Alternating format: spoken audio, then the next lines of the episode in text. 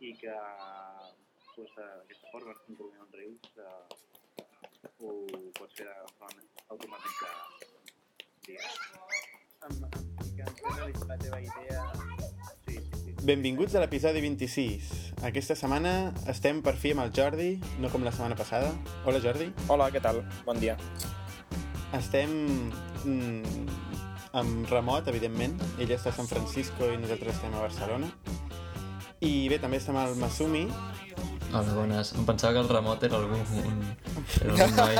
Estem amb un remot. No, amb un altre noi que sigui remot, no, però amb un que es diu Albert, sí, perquè també contem amb la presència de l'Albert. Eh, hola, Albert. Hola. És enginyer informàtic, ja titulat, en pergamí italià inclòs, us he explicat fa un moment. Així que ja compta amb el títol i tot. I treballa a ITNI, que és desenvolupador de Ruby on Rails, com tots els altres. I vam parlar d'ell també fa un, un episodi, o dos, perquè van guanyar el concurs del Hack You de Yahoo, del qual ja vam parlar i no tornem a parlar, però felicitats des d'aquí, des de Semantic. Moltes gràcies. I bueno, comencem amb el Jordi, que té molt a explicar-nos. Què tal, Jordi? Com, com és la vida a San Francisco? Molt bé. Està bé, la vida a San Francisco està molt bé. Sí? Sí. Realment està ple de, de tecnologia, gent amb portàtils per tot arreu, o, o, és, Sí, és- o és broma? El que més em va sobtar va ser només baixar de l'avió, començar a veure anuncis de Salesforce, d'Oracle, Microsoft i coses així pel carrer, saps? Teambox? Teambox no, Teambox encara no. Anàvem, érem nosaltres l'anunci. Que no és poc, eh? Home, no és poc, no? Som bastanta gent aquí. I a més liant-la i enganxant pegatines, normalment. Sí. O sigui que Sí, tampoc. sí. I regalant samarretes. Sí? Pues a mi no m'heu regalat cap encara, eh? A mi tampoc. Perquè estan a San Francisco. bueno, bueno, calma. ja caurà alguna. Me la quitan de las manos. I què tal, i què tal? Explica. Doncs bé, el que deies tu dels portàtils, que aquí la majoria de gent treballa amb coses de tecnologia o, o similar, i és molt curiós perquè veus a un cibercafè, bueno, un cibercafè no, un cafè. La majoria de gent mires la pantalla i estan programant JavaScript o, o coses d'aquestes i és curiós, no? Perquè a Barcelona és bastant estrany, això. Sí, a Barcelona estan amb el Word. Sí, home, aquí Amb també, Excel. no creguis. Però bueno, sorprèn molt veure gent programant a tot arreu, sense que ho sembli. I a més segurament treballen en, en portals coneguts o Bueno, xarxes moltíssima socials. gent te'l trobes o... i tu què fas? Yeah, jo treballo a Facebook, jo treballo a Twitter, jo treballo a Google, és el més normal del món, o Apple. Vull dir, clar, són empreses tan grans i estan aquí que la majoria de gent que et trobes doncs hi ha moltes possibilitats que treballin en una d'aquestes quatre. I coneixes realment a gent Sí, i en tant. situacions habituals i quotidianes? Sí, perquè a més aquí, bueno, t'has d'adoptar, adaptar tu també el seu estil, no? de xerrar amb tothom així com si els coneguessis de tota la vida i tal. I la gent és bastant oberta. Uh -huh. I algú, algun concret que hagis conegut o... Bueno, els, els, uns, uns amics que hem fet aquí són dos que treballen a Twitter que uh -huh. ens han tret de festa i van fer una sessió de hacking un dia per fer Talker Open Source i Ah, sí? estan fent neteja de codi i coses així perquè Twitter vol fer servir Talker com a, com a chat intern però els Què interessava... dius ara? Ah, Increïble. sí. Ah, I, però tenien com a requisit que l'haguéssim llicenciat open source, que ja teníem pensat fer-ho, però no teníem pressa, i vam dir, bueno, doncs quedem amb uns quants enginyers de Talker amb un, amb un cafè i ens fotem allà unes quantes hores a netejar el codi. I és el que vam fer. I està tot llest, tot i encara no hem fet el release perquè estem esperant així per documentar-ho i tal. Ostres, està molt bé, no? Però sí, sí, sí. I eliminarem definitivament els, tots els plans de pagament de Talker, ja no deixarem ni els que hi ha, és tot gratis i punt, i a veure què passa. uh -huh. Està molt bé. molt bé. Nosaltres som usuaris de pagament de Talker des de Sí, fa sí. molts mesos i la veritat és que estem bastant... Bueno, estem contents excepte alguns problemes que hi ha hagut, bueno, puntuals, però Sí, sí. funciona molt bé. Nosaltres no podem treballar sense Talker. I, i com s'ha netejat realment, com s'ha netejat el codi de, de Talker? Perquè per lo que jo sabia era... No, el codi està molt bé, però hem tret coses irrellevants, com per exemple tot el tema de plataformes de pagament, evidentment, però fins i tot coses com que cada compte sigui un subdomini propi, històries així, saps? Que ho feien Sí. com molt pensat a comptes independents i el que hem volgut fer ha estat al revés, unificar-les totes. O sigui, ara només hi, ha un, hi haurà un compte. No, no, hi ha diferents comptes, però les URLs no van per subdomini i és més senzill canviar de compte i coses així. O sigui, tu segueixes tenint grups, que són els comptes de tota la vida, però tu tindràs el compte d'Itnic, potser el de Teambox, el de Semantic, i simplement que Mhm. unificar una mica més la interfície perquè sigui més fàcil i més natural anar saltant entre elles.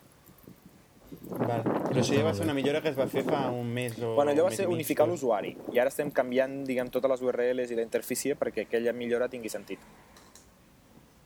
Però bueno, ja ho veurem, no us, no us vull avorrir amb els detalls de, de Talker. La qüestió és que van fer, van fer amics a, a Twitter i sorprenentment són gent molt oberta que diu sí, el dia que vulguis quedem aquí a l'oficina de Twitter i us veniu a dinar amb nosaltres, que tenen doncs, com un, un catering obert per, per tota la gent que conviden i, i està molt bé. Heu entrat a, tu, a les oficines de Sí, Twitter? les oficines de Twitter, sincerament, em van decebre una mica, perquè t'imagines que serà tipus el que la gent coneix del Googleplex, no? tota gent allà jugant pel carrer i no sé què, i estan en un edifici corporatiu una mica avorrit al centre de la ciutat, que de fet ara hi ha molta polèmica perquè volien marxar a San Francisco per deixar de pagar els impostos, que aquesta ciutat té uns impostos molt alts especials, i van dir, no els volem pagar, sí que marxarem.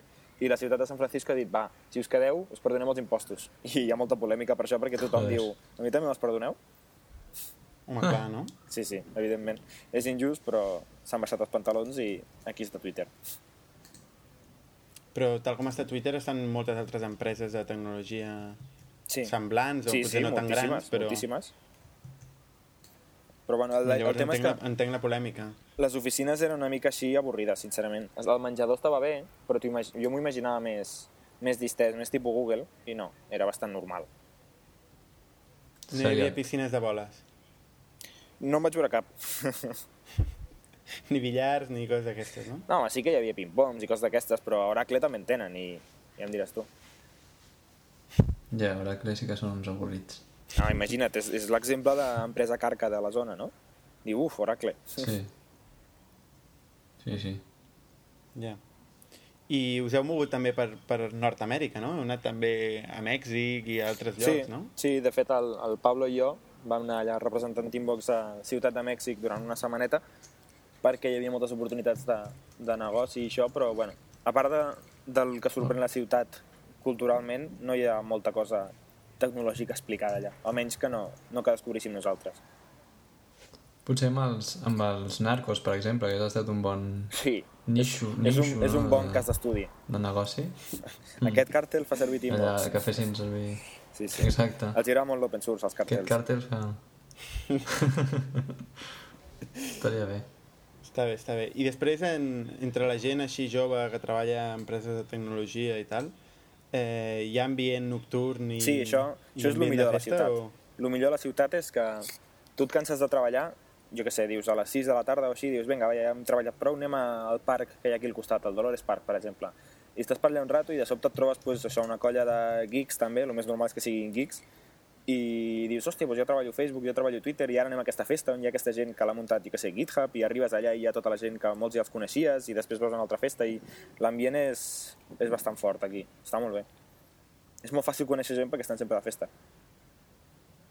I tra treballar no, no, no, no? No sé, jo no els he vist treballar, però se suposa que sí que fan alguna cosa. I entenc que si tots són geeks, dones deu haver poques, no? No, no creguis. N'hi ha moltes més, per exemple, que a Barcelona, però efecti evidentment pues, el percentatge segueix sent baix. Hi ha més dones que a Barcelona, m'estàs dient? No, geeks, més dones geeks. Vull dir que jo Ah, vale, aquí he vist vale, més vale. dones geeks de les que havia vist a, a altres entorns. Ah, sí? És més normal seguir bé, aquí, bé. per això suposo que és més normal en totes les edats. Per exemple, aquí eh, trobes un tio de 60 anys i resulta que és un dels creadors de no sé quin llenguatge o de no sé quin software que havies fet servir tota la vida, saps?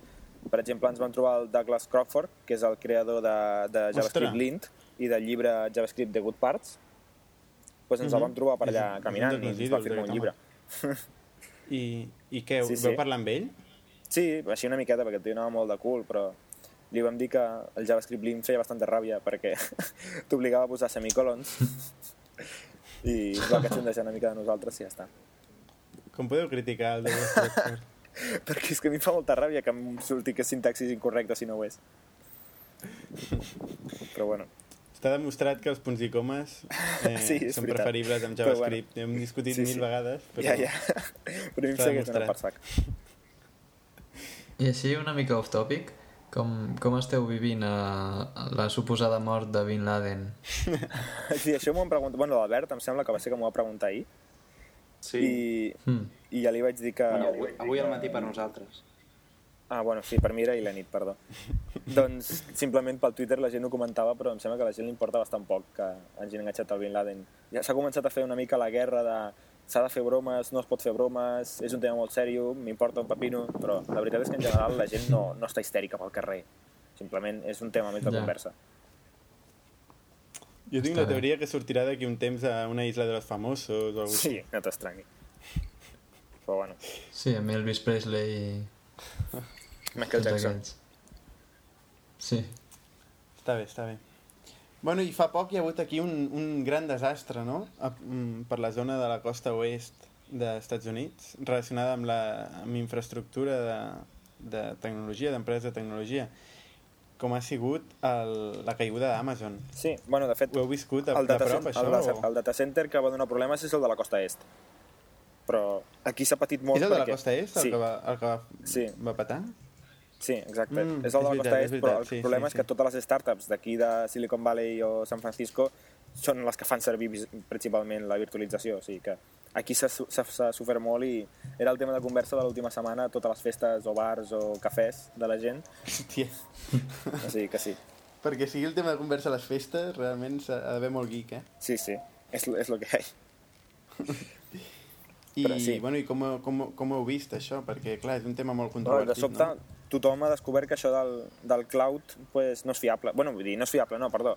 Que és collonut el cloud, però que tu no pots confiar cegament en que funcionarà sempre. I, per tant, has de tenir tu doncs, backups o alternatives perquè què passa si tot el data center se'n va a la merda? O fins i tot, què passa si Amazon tanqués avui? Hauríem de tenir una alternativa relativament fàcil, no? que seria molt bèstia, però bueno, pot passar. Ha passat una cosa bastant xunga, que és que la quarta part d'un data center sencer ha deixat de funcionar per culpa de, de l'Elastic Block Storage aquest. Sí.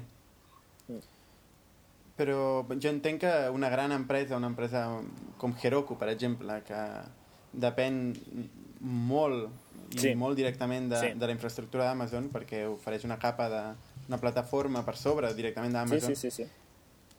Però clar, al ser una empresa tan gran haurien de tenir segurament alternatives. Evidentment, Tot i que que una, una fallada empresa- tan gran com aquesta Sí. és difícil de recuperar-se. Una empresa com Heroku... Però una empresa petita que confia en Amazon, mm, realment t'estan garantint que tenen un 99, coma més d'un 9% de Jo no de crec que garanteixin això, eh? però bueno. Segurament diuen que el sistema... ST2, no? No, jo crec que no. Que, que si tu vols una garantia de 99 i pico per cent has de muntar el teu propi sistema d'alta disponibilitat. Bueno, la qüestió és que Heroku, evidentment, havien de tenir un, una possibilitat de dir aquest sistema falla, fem servir el sistema alternatiu. I clarament no el tenien i han estat com 4 o 5 dies que gairebé res funcionava. I això és increïble, no? Hi ha gent que paga una fortuna a Heroku cada mes per tenir les seves aplicacions enllà. Una aplicació gran Ja. pots pagar, jo què sé, uns No, quants milers de, de dòlars. Una aplicació mitjana, Però- com Teambox, Però pot Heroku també més de paga 1.000 una dòlars. pasta... Heroku també paga una pasta a Amazon, no? Sí, sí, sí. Ara estic veient, estic veient a la, a la, als serveis, la descripció dels serveis d'Amazon, on diu que tenen un Service Level Agreement Commitment is 99.95%. Però de què? De què? De quina part? Availability. For each Amazon, ai, Amazon S2 region. Clar, però EC2, però el, que- el problema que va passar no va ser MC2, va ser MBS.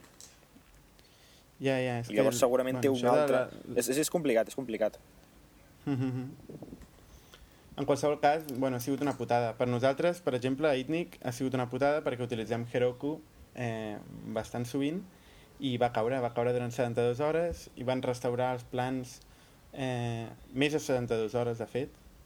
Eh, fallaven també el, els repositoris de Git, de Heroku, i van anar restaurant els plans en funció de qui, qui pagava més a Heroku, evidentment. Un els que més pagaven els van restaurar primer i els gratuïts van trigar fins a Ah, sí? 4 o 5 dies. Entre altres coses, la web de Semantic va caure, Sí, Suposem. sí, sí. La web de Semantic, perquè- el wiki...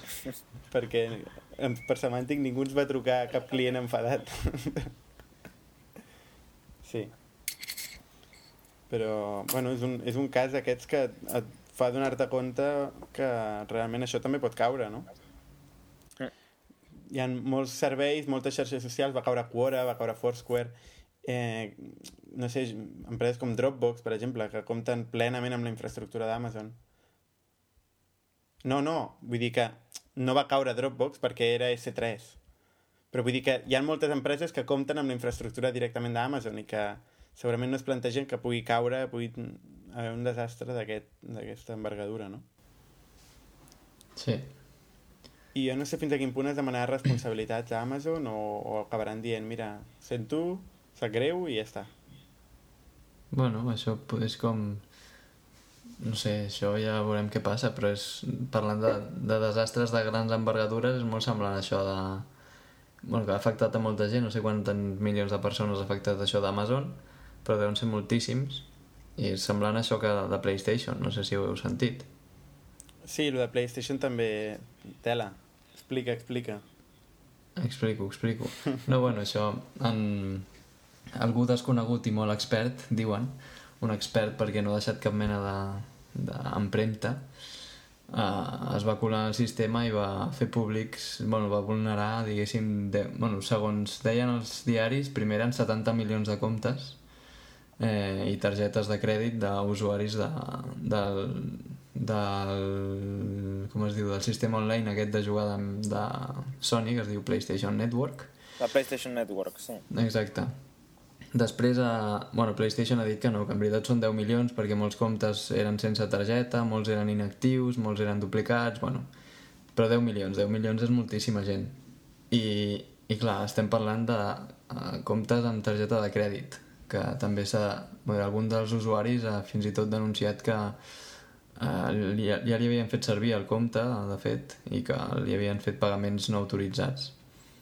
I, clar, això, bueno, després de reaccionar, demanar disculpes i tot el que volguessin, uh, PlayStation bueno, ha dit que faran una, eh, com es diu, una compensació als usuaris, que és bastant trista, perquè ara que parlaven de compensació amb això d'Amazon, bueno, que diuen que bueno, donaran un mes gratuït del seu servei als usuaris Sí. i descomptes en, descomptes en, jo què sé, en jocs i coses així, que dius, bueno, aviam, les meves dades personals, adreça, eh, número de telèfon, nom, cognom, targeta de crèdit ha estat vulnerat i em doneu un mes gratis i això, vull dir, que, que, que us esteu rient de mi, no? No sé, és bastant Sí, no, seriós. i, I aquests mails que envien, tant, tant en els dos casos, eh, tant el de Sony com el d'Amazon, em fa gràcia aquests mails que envien als usuaris dient mira, eh, hem perdut les vostres targetes de crèdit, sí. pot ser que els vostres comptes entri gent i que us carreguin comptes, i us carreguin despeses. Igual que el d'Amazon, graciós. també vaig, he vist alguns mails que han publicat algunes empreses que diuen, Mm. miri, eh, hem perdut les vostres dades perquè hi ha dades que s'han perdut per sempre Ah, clar. d'empreses. I, mm, I a més és molt fort i molt cínic un, un mail en particular en què diu eh, us deixem, hem, hem aconseguit recuperar una snapshot, una snapshot de, del disc, Sí. però que... De fa 3 mesos. No, no, Ah, de, vale. de lo que ha quedat, però dubtem que us serveixi absolutament de res, perquè no es pot recuperar les dades. Eh, us ho deixem al disc i us recomanem que ho borreu perquè si no haureu de pagar la quota del que està ocupant. Això és el que deia un enginyer d'Amazon, li deia amb, un, amb un CEO d'una empresa, no sé, no me'n recordo el nom, Que vull dir que, que és curiós, és curiós aquests mails, no sé. És fortíssim. Tu, tu Ballong, tens, Albert, perdó, tens, una, tens la PlayStation, no? Tu, tu fes servir el PlayStation Network aquest? L'havies fet servir? Tenies compte i tal? Jo l'havia fet servir fa, fa bueno, anava a dir mesos, però realment gairebé anys. Realment fa, fa temps que no jugo assíduament, però re realment no, no m'he preocupat per mirar què, què, què ha passat. Uh, Però tenies la targeta? crec que no. No he fet cap pagament per PlayStation Network. Creus que no?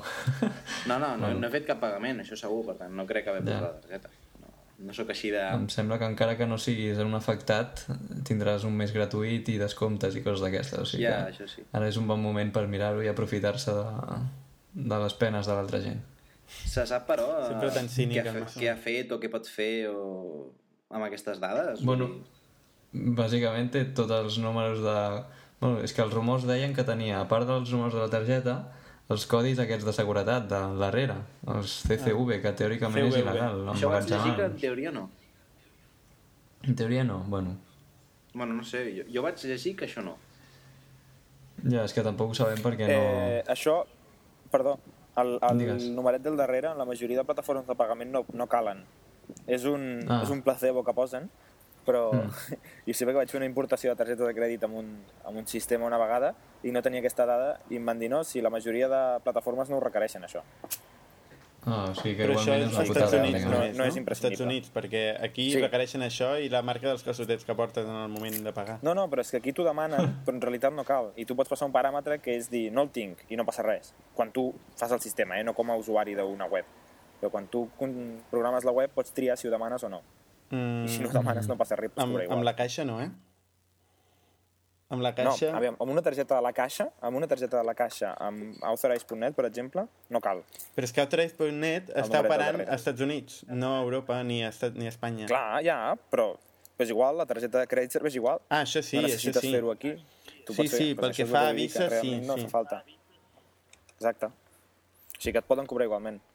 No hi ha cap indicació de qui pot ser, ni si, si és un, un talpa dintre de PlayStation o... No. No, diuen que havien tingut ja, atacs dels Anonymous, però que no tenen cap mena de relació amb això. I bueno, ara ja... Quan va caure tot i, i clar, tothom, tota la premsa, no?, apuntava que serien els d'Anonymous i tal, Sí, i al final doncs, van dir, no, no, aquest cop justament nosaltres no hem sigut. sí, exacte. I bueno, ara tenim l'FBI investigant-ho i no sé Ara- si ara algun dia diu sabrem això- què ha passat. Em recorda un altre cas, també, el cas aquell de, de Google, que van entrar... que va entrar... El, o sigui, els, els xinesos van entrar Ah, als sí, comptes de Gmail comptes. i tota la pesca aquesta. Sí. que avui, avui llegia un article en què veia que realment la vulnerabilitat que s'havien aprofitat a, a Xina era una vulnerabilitat forçada pel govern americà, que era una backdoor que havien obligat a Google a programar els comptes de Gmail per motius de terrorisme i tota la pesca aquesta. O sigui, per poder llegir comptes d'usuaris. Havien fet un backdoor que després el, els, xino, els xinesos o qui sigui, no sé si era el govern xinès o eren organitzacions de Xina, Mm. s'havien Havien aprofitat, per aprofitat. poder llegir i poder espiar en, en molts comptes, no? Sí, em fa gràcia perquè, bueno, fa gràcia que la- la FBI reconeixia que havia obligat a, a, a fer aquest, Sí. aquestes mesures. De fet, fa poc han entrevistat a Julian Assange i ha parlat també de Facebook criticant-lo durament i, que, Sí. i dient que segurament hi havia backdoors d'aquest perquè el govern pogués fer els seus estudis i les seves coses. A Facebook. Eh. Exacte, a Facebook. Sí, crec que ha dit que Sí, és sí. la xarxa... Com ho ha dit? Uh, és la- l'eina de- d'espionatge més gran que hi ha. Sí, una cosa així. Sí, sí, una està clar. frase molt semblant, sí. I bé, qui diu governs diu empreses de publicitat que paguen bueno, Sí, també. el seu preu en or. Uh -huh. I parlant de filtracions, més filtracions que hi ha hagut aquesta setmana, el tema de l'iPhone Tracker, que, que, bueno, que es veu que... Albert, explica'ns, que tu vas- m'ho vas dir, m'ho vas comentar tu la primera vegada i, i vaig mirar-ho amb el programa aquell. Bé, on va soltar la notícia, no?, que, que do, a veure, estic aquí llegint, dos investigadors eh, en una conferència celebrada a Santa Clara, Califòrnia, no sé si et queda a prop, Jordi, Sí, està molt a prop. bueno, doncs bé, van, van fer sortir a la llum, tot i que, bueno, llavors veureu que no tant, que eh, Apple o, guardava dades de, de per on anava passant el, el teu iPhone o el teu, el teu iPad 3G. I bé, clar, doncs tothom, vas, tothom va començar, no? Ostres, què està passant aquí? Que això no pot ser, que, que ens estan espiant. Bàsicament et baixaves un programet Exacte, sí. La, la, la, el fet que, que va fer estallar-ho tot això no va ser que hi havia un programa que podies simplement indicar on estava l'arxiu, o, o crec que ni això, i No, que ni et això. mostrava No, un no, gràfic... ni això, obrir-lo. Ni això, oi? Uh, bueno, doncs et mostrava un gràfic de les zones per on has passat i com més cops hi has passat, doncs una bombolla més gran i bueno, bastant gràfic d'on has- d'on has estat des de que tens el telèfon. Sí, un, un mapa molt, molt maco, a més, que amb tot de boletes. A més, a mi em va provocar melancolia, perquè vaig començar a recordar llocs on havia estat que no me'n recordava. I va ser molt divertit, perquè també jo quan faig servir l'iPhone és a la carretera, normalment, quan algú condueix jo faig de copilot, doncs vaig tenint el mapa, no? Jo m'he perdut veia moltes tot- vegades gràcies a això. Ah, sí? Jo no, jo mai. Jo No, mai. gràcies a tu, m'assumi particularment. No gràcies a mi, recordeu- que va. No, no Què recordeu va? el viatge als Premis Blocs? Hombre, Bueno, és que allò no em vau deixar operar a mi el GPS, el teniu planificat de manera il·legal. no, no, el i tenia el. Jordi, el tenia el Jordi i m'intimi- m'intimidava a mi. Altament. Doncs en, doncs en el mapa, en el mapa aquest, quan el vaig mirar, es veien tot de boletes petitetes per les carreteres que havia passat per les autopistes nacionals i veig tot, tot Catalunya com a una mena de venes curioses geogràfiques. I aquesta vena poètica que t'ha agafat ara? No ho sé, eh, deixeu-me. Seguiu parlant. El Masumis és la branca sentimental de Semàntic. Exacte. Era curiós també perquè veies que et marcava llocs on no, jo no havia estat mai però simplement perquè es devia haver agafat una cobertura o alguna perquè es basa també en les zones de cobertura de 3G o de, o de cobertura d'antenes convencional, i tal. suposo. Llavors et marcava, marcava zones on no havia estat mai i estic convençut que no he estat mai. I em deia allà, no, tu has estat aquí. No, era la- Bueno. l'antena. Vaig llegir i vaig veure que era realment zones de cobertura. L'alcohol l'alcohol i les drogues fan molt de mal, eh, També, Bernat? també, també pot ser. De vegades oblides. Això és cert. Jo només volia afegir que molta gent que ara s'està queixant d'això per Twitter com bojos, que amb tota la raó del món, però molts d'aquests estan constantment fent check-ins al Foursquare, Facebook Places, eh, localitzant fotos amb l'Instagram, amb el Flickr... Vull dir que també s'ha de ser una mica racional. Si, si t'importa molt que et geolocalitzin, no pots anar fent aquestes collonades. Sí, és el, que, Mm. és el que discutíem abans, no? Ja directament no, no portis un telèfon. Exacte, Perquè perquè, el- ja, el- també les telefòniques tenen geolocalització quan Exacte. truques. Per tant, si estàs, que realment et preocupa molt això, no portis mòbil. Clar, el tema Clar. aquí és que la, la diferència és que això teòricament no, no s'envia a Apple, sinó que es deixa en un fitxer, el consolidated.db, i, i ja està. Clar, què passa? Que si et roben el mòbil i, i es posen a No, buscar... però jo he llegit, jo he llegit, bueno, he llegit les dues coses, que s'envia i que no s'envia. No sé, la veritat és que no m'he ficat a investigar perquè m'és igual. Clar, llavors, el tema és que això és un fitxer, teòricament, segons el que s'ha dit i tal, i bé, això, això ho pots protegir, no?, si, si algú vol fer-ho, que simplement eh, encriptant les dades del, de l'iPhone, no sé exactament com es fa, però bueno, a través d'iTunes es poden encriptar les dades Sí, i tu pots iPhone, dir iPad, encriptar la còpia de seguretat. Exacte, i, exact, exactament, això. I amb això es soluciona totalment.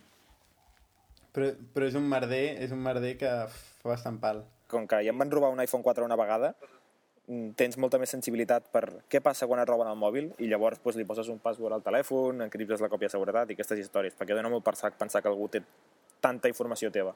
Però, però Ja. pots, pots seguir-lo, no? Pots seguir-lo, veure com, Sí, fins que com van corrent per allà els teus lladres i perseguir-los Sí, sí, i prendre la telèfon ja no. justícia per les teves mans. No, has d'anar a la policia i dir, mire, es, siga este coche. I riuran de tu. Bueno, siga No, este no, punto. fun funciona, eh? Funciona. Sí? Realment? Et fan cas? Al Pablo li va passar i, i va fer això, el que passa és que llavors el van apagar. sí, quan, quan van veure on Hòstia, eren, van anar allà amb la policia, però ja no hi eren i estava el telèfon apagat. Tu, si ets un lladre, sabent que això... No, però si ets un lladre no tens ni puta idea de tot això, segurament, però bueno. Bueno, ja, però... Depèn del tipus de lladre, eh? Ja, cada cop en saben A més San els Francisco, per exemple, segur que si perds el mòbil saben com fer tot això. Sí, encara Ja. ja. farien un tuit des del teu telèfon i tot. Sí, segurament. Però bueno, la, segona, la següent versió de l'iOS, del firmware, ja en principi soluciona això i només guarda les dades de no tota la vida, sinó l'última setmana, una cosa així, per poder... Perquè tot això, en realitat, és per, en principi per accelerar l'obtenció de les antenes i les, la connexió per tal de que la navegació, la navegació sigui més ràpida, el handoff aquest que es diu que passa d'antena a antena sigui més ràpid. Llavors ho seguirà fent, però no tant, diuen, vaja.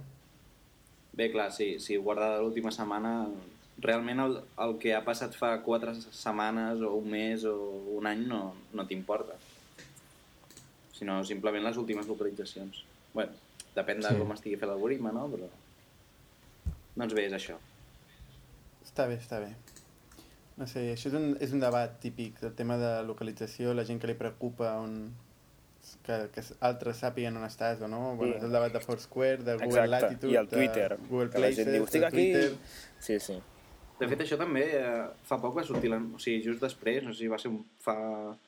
Bueno, un o dos dies després de que sortís la, la notícia aquesta sobre el sobre l'iPhone, eh, va sortir també que, que Android també ho feia. Tot i que Sí, també. crec que realment és, és el mateix que fa Apple, no? simplement guardar les localitzacions per, per això que diu el Masumi del handoff i tot plegat. Home, jo recordo quan vam anar al mobile amb el Masumi que vam comentar que tenien allà un mapa amb totes les activacions pum, pum, pum, pum, pum, pum, per tot el món anaven apareixent amb llumetes D'Android. que anaven fent Ah, sí. La qual molta Que informació hem de tenir d'aquest I Android, tant. no? Sí. Sí, sí. I tant. Però bé, canviem de tema, torn tornem al nostre tema habitual que ens agrada tant de Rails, que últimament també hi ha hagut alguns temes bueno, interessants. Per cert, Albert, tu eh, portes un mes i mig treballant amb Rails. Eh, abans venies del món de, de l'obscur món del Java i d'aquestes tecnologies burocràtiques que ens Obsoletes. ensenyen a la universitat. Com, com, com ha sigut la teva experiència de, de treballar amb Ruby i, i amb Rails constantment? Jo vaig començar que no, no, realment no tenia ni idea, no? Crec que per una assignatura de la universitat eh, vaig posar-me un cap de setmana a provar una mica Ruby on Rails, però clar, això deu fer un parell o tres d'anys i no, no estava tan avançat com ara, suposo. No, no, no recordo massa exactament. Però sí, clar, jo fa un mes i mig, quan vaig començar, no, no tenia ni idea i, i bueno, jo estava molt acostumat al Java, no? He fet el projecte final de carrera en Java, he estat treballant amb Java també un parell d'anys i, i a la universitat doncs, tot el que hem fet és en Java, no? I, per tant, no havia sortit d'aquí. I bé, realment estic molt content, s'aprèn molt, molt ràpid. També tinc la, la sort de que bueno, entre el Roger, no? l'altre d'enginyeria d'ITNIC i, i el Bernat mateix també m'ajuda molt a aprendre més ràpid. I bé, no sé, hi ha moltes coses que estan fetes que en Java doncs, sempre has de fer la típica cosa que repeteixes a cada aplicació i que doncs, d'aquesta forma, no? amb Ruby on Rails, eh, ho pots fer de forma automatitzada. Vas més ràpid en, en, ficar, en fer realitat la teva idea d'un projecte d'enginyeria? Vas realment més ràpid? Sí, sí. Realment he notat això que... No trobes a faltar res? No, no, realment no. Està bé, interessant experiència. Temes, temes que hi ha hagut associats a Rails. Eh, per exemple, s'ha publicat un, en un feed de comentaris mític que CoffeeScript passarà a estar a la versió de Rails, la nova versió de Rails, no Jordi? Sí, bueno, hi ha hagut molts canvis el Rails 3.1, que serà la propera Mhm. versió gran de Rails, per començar. Eh, jQuery substituirà Prototype com a, com a framework JavaScript per defecte. Bien... bueno, això no, no entrarem aquí una altra vegada, però bueno, és, és el que la majoria de gent vol, per tant, és correcte, sobretot si pots amb una opció fàcil canviar a Prototype, doncs ja està bé. Però una altra que ha sigut molt més polèmica encara ha estat la inclusió de CoffeeScript com a compilador de JavaScript per defecte. Això, bueno, ja havíem Sí. parlat de CoffeeScript abans, el que significa és que tu en comptes d'escriure JavaScript escrius un llenguatge intermig que es compila a JavaScript i que en principi la sintaxi és més fàcil i té més sentit que la de JavaScript. Això és un tema bastant És subjectiu. més semblant a Ruby, per exemple, no? Sí, una mica més, semblant a Ruby. Jo diria que és més com el que Hamel és a HTML, mm, CoffeeScript és, a, és de JavaScript. Sí, simplement és una sintaxi que fa una mica més de fàcil programar codi llarg, però bueno, si t'acostumes a l'original no fa falta la substitució. El tema és que ha estat així com una mica mm, a sac i s'ha creat un, una flame war bastant èpica amb comentaris en el còmit on es va fer aquest canvi i Sí. hi ha hagut molta polèmica. Però total, al, al final és una sola línia, canviar aquesta configuració. Per tant, no n'hi ha per tant. Si tu vols no tenir CoffeeScript, simplement comentes la línia de CoffeeScript en el gemfile i ja es fa servir JavaScript normal. Vull dir que realment és un problema molt petit. Però també és una línia afegir-ho. Vull dir, no entenc per què ens hem de crear aquestes dependències. Bueno, perquè hi ha aquesta idea de que Rails té Smart Defaults, que significa que fa, pren decisions per tu, a no ser que tu les vulguis Ja. prendre explícitament. I han decidit que per novatos és millor fer servir CoffeeScript i per tant ja directament donar-los fet, perquè la idea és que si tu no ets un novato t'importen un pepino els defaults de Rails. Si tu vols fer servir Mongo en comptes de MySQL, doncs fa servir Mongo. Si tu vols fer servir Prototype en comptes de jQuery o viceversa, doncs tu canvies com feu vosaltres, no? I per tant no n'hi ha per tant. Mhm. Simplement volen que la primera experiència sigui el més fàcil possible i han decidit que CoffeeScript ho és. Hi ha gent que està d'acord i gent que no. Jo crec que una persona que sàpiga una mica de JavaScript com a novato, de sobte li diuen ara escriu un CoffeeScript, és com, hòstia, anem a buscar documentació que no sé què collons és això. I no saben què és un gemfile, ni saben on esborrar-ho, o sigui que No, no tinc clar que sigui un, Exacte. un bon defecte, un bon default, o com es digui. Exacte, això és el que penso jo. Mhm. Però clar, això t'obliga a escriure el JavaScript directament en Sí que pots, sí, però no amb el sistema que et munten ells per defecte. O sigui, tu pots apanyar-t'ho per tornar a fer servir només JavaScript, però no amb l'estructura per defecte, que és posar el JavaScript en un directori concret i que es requereixin sols. També diria que han afegit sprockets per defecte, per fer tot l'empaquetatge de, de JavaScript. Cosa que tampoc entenc. I una cosa molt curiosa és que han afegit eh, SAS, bueno, tot i que ara és el SCSS, per, Sí. pel, per CSS. En comptes d'escriure CSS... Però no Hamel. Però no Hamel, i llavors aquí la gent ja no entén res. Perquè és com la mateixa Sí. gem, però només han afegit la part de CSS i no la part d'HTML. I aquí també De totes formes, en defensa, en defensa SAS, val a dir que és compatible amb, amb sobretot l'S... Bueno, sobretot no, l'SCSS és compatible amb CSS, no? Per la qual, si tu utilitzes CSS mm, convencionalment, pues, també va. Sí, sí, és cert. Això és el que, Però també el que cert... preguntava l'Albert, potser amb, amb JavaScript, que no és així, amb CoffeeScript. No, ni amb Hamel. Amb SCSS sí que és així. No? Sí, sí, tens raó. Però igualment és una mica confós que comencin a fer servir tots aquests sintaxis, um, syntax sugar, que diuen, i en canvi no facin servir Hamel, que és una de les més populars, perquè realment t'estalvia molt Mm. HTML. I tant. Sí, sí. Però és curiós, simplement són... És el problema de, de tenir aquests uns, eh, frameworks opinionats, on el que val és l'opinió d'un o dos. I que és la, el David, no? I que en general sí, és ell. Vaig veure un tuit d'ell molt graciós que deia, el David Heinemann Hanson, que és el creador de Rails, deia és divertit quan la gent m'explica quin és l'esperit de Rails. Perquè, clar, Ja, segons ell, és l'esperit de és Rails vacilón, és el no? seu. Però Ja, no però això és és molt vacilón, no jo és també vaig veure aquest tuit i- Rails és una comunitat i, i pots tenir diferents Exacte. opinions, no? I adaptar-te a una opinió que tingui més sentit que no només la seva, que a vegades està bé i a vegades no. Mhm. Clar, és que aquest home el que té és que ho té molt cregut, no? Sí, té un ego fortet. Entre això i les cursos de cotxes, sí, que l'altre vaig veure que va rebentar el cotxe. no sé, jo no la segueixo. No, la No, segueixo. jo tampoc, però va posar un tuit amb el seu cotxe, el, el, 30, el cotxe 35 signals bastant rebentat. Però Quin cotxe té? bastant off, off topic. No sé quin cotxe és, és un cotxe de carreres especial que s'han fet a mida pintat amb els colors de l'empresa i tal. Està bé. Sí, va tuitejant sempre Sí. temes d'aquests. Sí, sí. Quan ha quedat a les curses... és molt això. interessant, per la gent que segueix 37 Signals com a empresa de startup, de Rails, etc. és molt interessant veure les carreres del paio aquest. Sí, moltíssim. està bé, està bé. Jordi, tu havies apuntat un tema Greylock 2?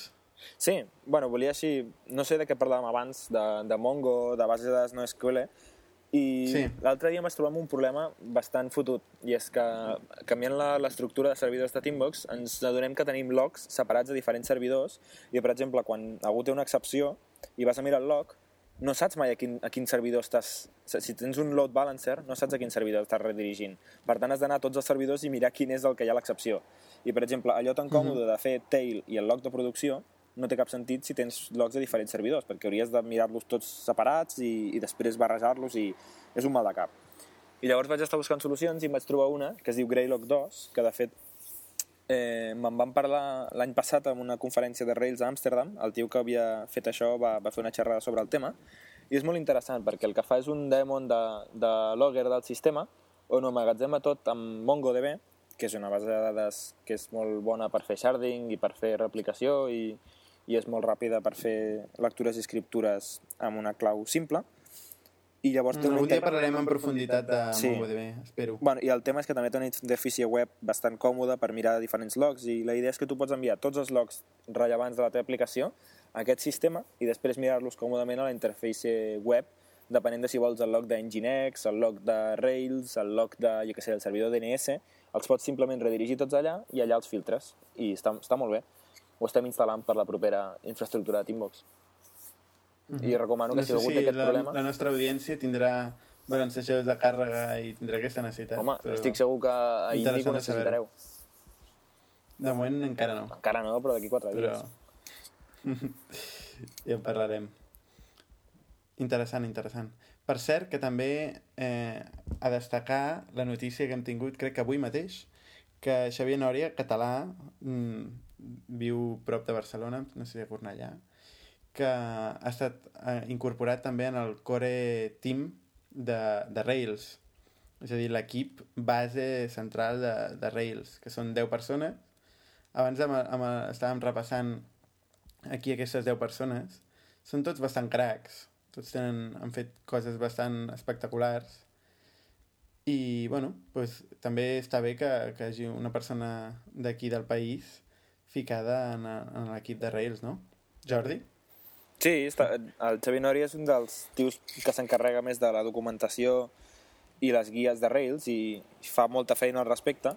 Jo no sé si, si fa moltes coses en el codi, però en principi el que fa és... Ell és el que gestiona la, la branca de documentació i fa els merch de, de tots els còmics que fa la gent de, de solucions de documentació, de guies, i és cert que porta molts anys fent això, i aviam, si, Mm. si canvia. Que Jo abans diria que ja tenia... Core Ja... Contributor, no? Què? Que abans era Rails Core Contributor, que no és exactament que Rails... No, Core o sigui, abans member. tenia accés de. Lo que, no sé quina és la que hi ha, diferència. hi ha diverses... Hi ha tota una, una jerarquia, no? Jo no sé quina és la diferència Amb- entre ser core contributor i tenir commit access, perquè ell ja tenia commit access, és el que feia els push de Sí. documentació. Sí. O sigui No que sé. simplement suposo que és afegir-lo a la llista. o potser Mm. té accés a, a la llista de correu, a moderar-la o coses així, suposo. Uh -huh. Que també ha sigut famós Xavier Nòria per la, la discussió que hi ha hagut fa poc a, a, a la llista de correu de Barcelona on Rails. Sí, però això un àmbit molt més qual- local. Sí, bueno, això és en àmbit purament de Barcelona, en la qual s'ha discutit... Bueno, s'ha presentat una oferta de treball i, bueno, han sortit una sèrie de gent a dir que, que no trobaven acceptable eh, que aquesta oferta es, es fiqués a la llista de Barcelona en Rails perquè la comunitat de Rails de Barcelona ha de ser una comunitat més selecta o almenys tenir una, una qualitat de, de treball eh, o d'ofertes de treball més alta, no? El tema és que diuen que és un insult a la professió i que això pot Sí. estar bé o no, però una mica el que crea polèmica és que es decideixi així unilateralment representant el grup. I dius, home, el grup és, és un grup, no? No pots decidir pel grup, tu. Mm. Però bueno, hi ha, hi ha polèmica, Sí, sí. ja. Hi ha una, un, un thread Hi ha bastant hagut una llarg. polèmica amb aquest tema. Si algú vol segueix la llista Barcelona en Rails, veurà que hi ha pàgines i pàgines discutint... Bueno, en general, amb aquestes coses, és, si no t'interessa, doncs no ho agafis, però... Vull dir, hi ha d'haver lloc no? per tot en aquest món, no sé. Ah, L'oferta no, es, no es reclamava ningú amb 10 anys d'experiència, titulat i Exacte. amb, no sé, amb grans habilitats. Es demanava algú que sabés programar. Vull dir, això és un àmbit molt gran. No pots Exacte, decidir el que l'altra gent ha de cobrar. Tu decideix el que tu vols cobrar, si pots, però els altres que cobrin el que puguin. Mhm. Clar, home, sí. Està clar que, que hi ha gent molt bona en, a Barcelona en Rails. Que es i mereix cobrar que molt, segur. Es mereixerien cobrar molt, però tothom ha de poder començar, no? Hi ha d'haver alguna manera de començar, ha d'haver alguna manera d'entrar en aquesta comunitat, també. Jo crec Si que no és tots han començat i... cobrant molt poc. O sigui que Exacte. a mi no em sembla gens desbaratat. Jo cobrava molt menys que això abans, al principi. O sigui que...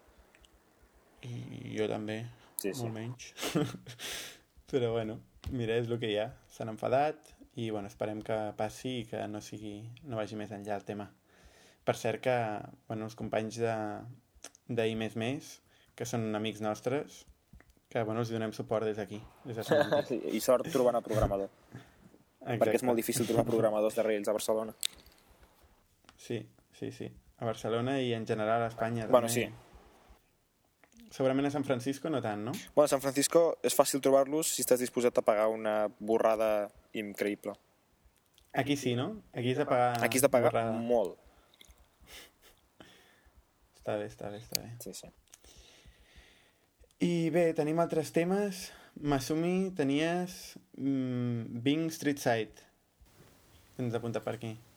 Bueno, sí, això és comentar ràpidament que, bueno, ara fa poc que el, els mapes de Bing, aquests de Microsoft, ja incorporen també la vista mm, la vista aquesta de carrer que té Google, el Google Street View, que es diu la versió de Google, doncs el Bing eh, Street Sí. Side, però només està disponible a, a algunes ciutats d'Estats Units. De moment Barcelona no hi és, així que no he pogut comparar la qualitat. Mm, em dóna la sensació que és més lent, tota la interfície és una mica més carregada i va com més a, a trompicons, però bueno, estan començant, tot pot millorar. Uh -huh. I, No tinc... I també el... Perdoneu, però m'està ficant molt nerviós el so del Sí, Tolkien. hauríem de que desactivar. algú té activat. eh, també, hi havia, també hi havia el tema de Spotify, que, Ah, sí? per cert, que s'ha... Ah, sí. eh, què ha passat? Què ha passat amb Spotify? Jo és que sóc fan de Groove Shark i no utilitzo Spotify. Jo sóc molt fan de M'assumí que- Spotify i em sembla molt malament la gent que ara es queixa tant de que facin pagar per un servei Val. que és tan collonut. Sí, bueno, bàsicament el que ha passat és que hi havia l'Spotify Free, eh, que bàsicament és el que es va fer tothom quan va sortir, que tu tenies publicitat mentre cançó i cançó... Entre ells, però- entre ells sortia el Masumi escoltar el que fent la publicitat. Sí o què? Sí. Hòstia, no t'he Sí, sentit mai, però és que sí, jo fa molt temps que em vaig fer una compta d'aquesta de 5 euros al mes, perquè la publicitat posa els nervis quan estàs allà intentant Ah, treballar amb la música. I, el servei Ja, s'ho ja. val. No, doncs sí, en algun del carnet jove i això i... Que bo. ha sortit. Eh, però bueno, bàsicament el que faran ara és que qualsevol usuari de Spotify Free que s'hagi registrat abans del 2 de novembre del 2010 podrà escoltar gratis fins a 5 cops cada cançó del catàleg. Eh, a part d'això, eh, podrà escoltar gratis un màxim de 10 hores al mes de música. I, bueno, això és unes limitacions curioses, això d'escoltar 5 cops a mi em li limita bastant perquè, clar, Sí, realment és perquè ho cops. provis només. Llavors segurament... Escolteu, vosaltres heu provat Groove Sí. Shark alguna vegada? Sí, sí. I per què no us Sí, agrada? jo sí. No, a mi sí que m'agrada. Abans trobava més Jo- música a Spotify, no em preguntis què buscava, però al principi, quan buscava coses de Groove Shark, a vegades no les trobava i, i a Spotify sí. Tot i que a vegades és al revés. Ah, eh? Sigui, és per qüestions de, de llibreria, no? De biblioteca. Sí, jo fa temps que no faig servir el grup Shark, Shark però en el moment que ho feia servir jo tinc un gust musical Selecte. molt especial i no trobava... Que toca la flauta amb l'iPad. No, especial, diferent. sí. No, bàsicament escolto música escolto música clàssica, bàsicament, i hi havia moltes peces de segons quins compositors i tocades per segons quines or- orquestres amb segons quins directors doncs, que no hi eren. D'acord, I clar, d'acord. bàsicament. Doncs molt bé. Jo volia comentar de passada també que eh, Gufo, que no sé pronunciar-ho, mai ho he sabut pronunciar, Gufo, Sí, però jo és bé. un, eh, era un servei de, de formularis i, bueno, per fer enquestes i tal, que estava bastant bé, que passa que era de pagament, però bueno, eh, estava bé. I ha anat a més, ha anat a més. Eh, jo he vist com ha anat creixent i realment m'ha sorprès sempre. I ara, actualment, avui, crec que he vist la notícia que s'ha venut per 35 No, no, milions fa, de fa una setmana. Fa una setmana? Vaja. Doncs... Qui s'ha venut? S'ha venut a Survey Monkey, que és una... Survey Monkey, més aviat. Sí, ara que dius això d'enquestes, eh, avui m'he fixat que al Facebook han implementat un sistema d'enquestes, a part de poder penjar fotos Sí, i vídeos i coses així.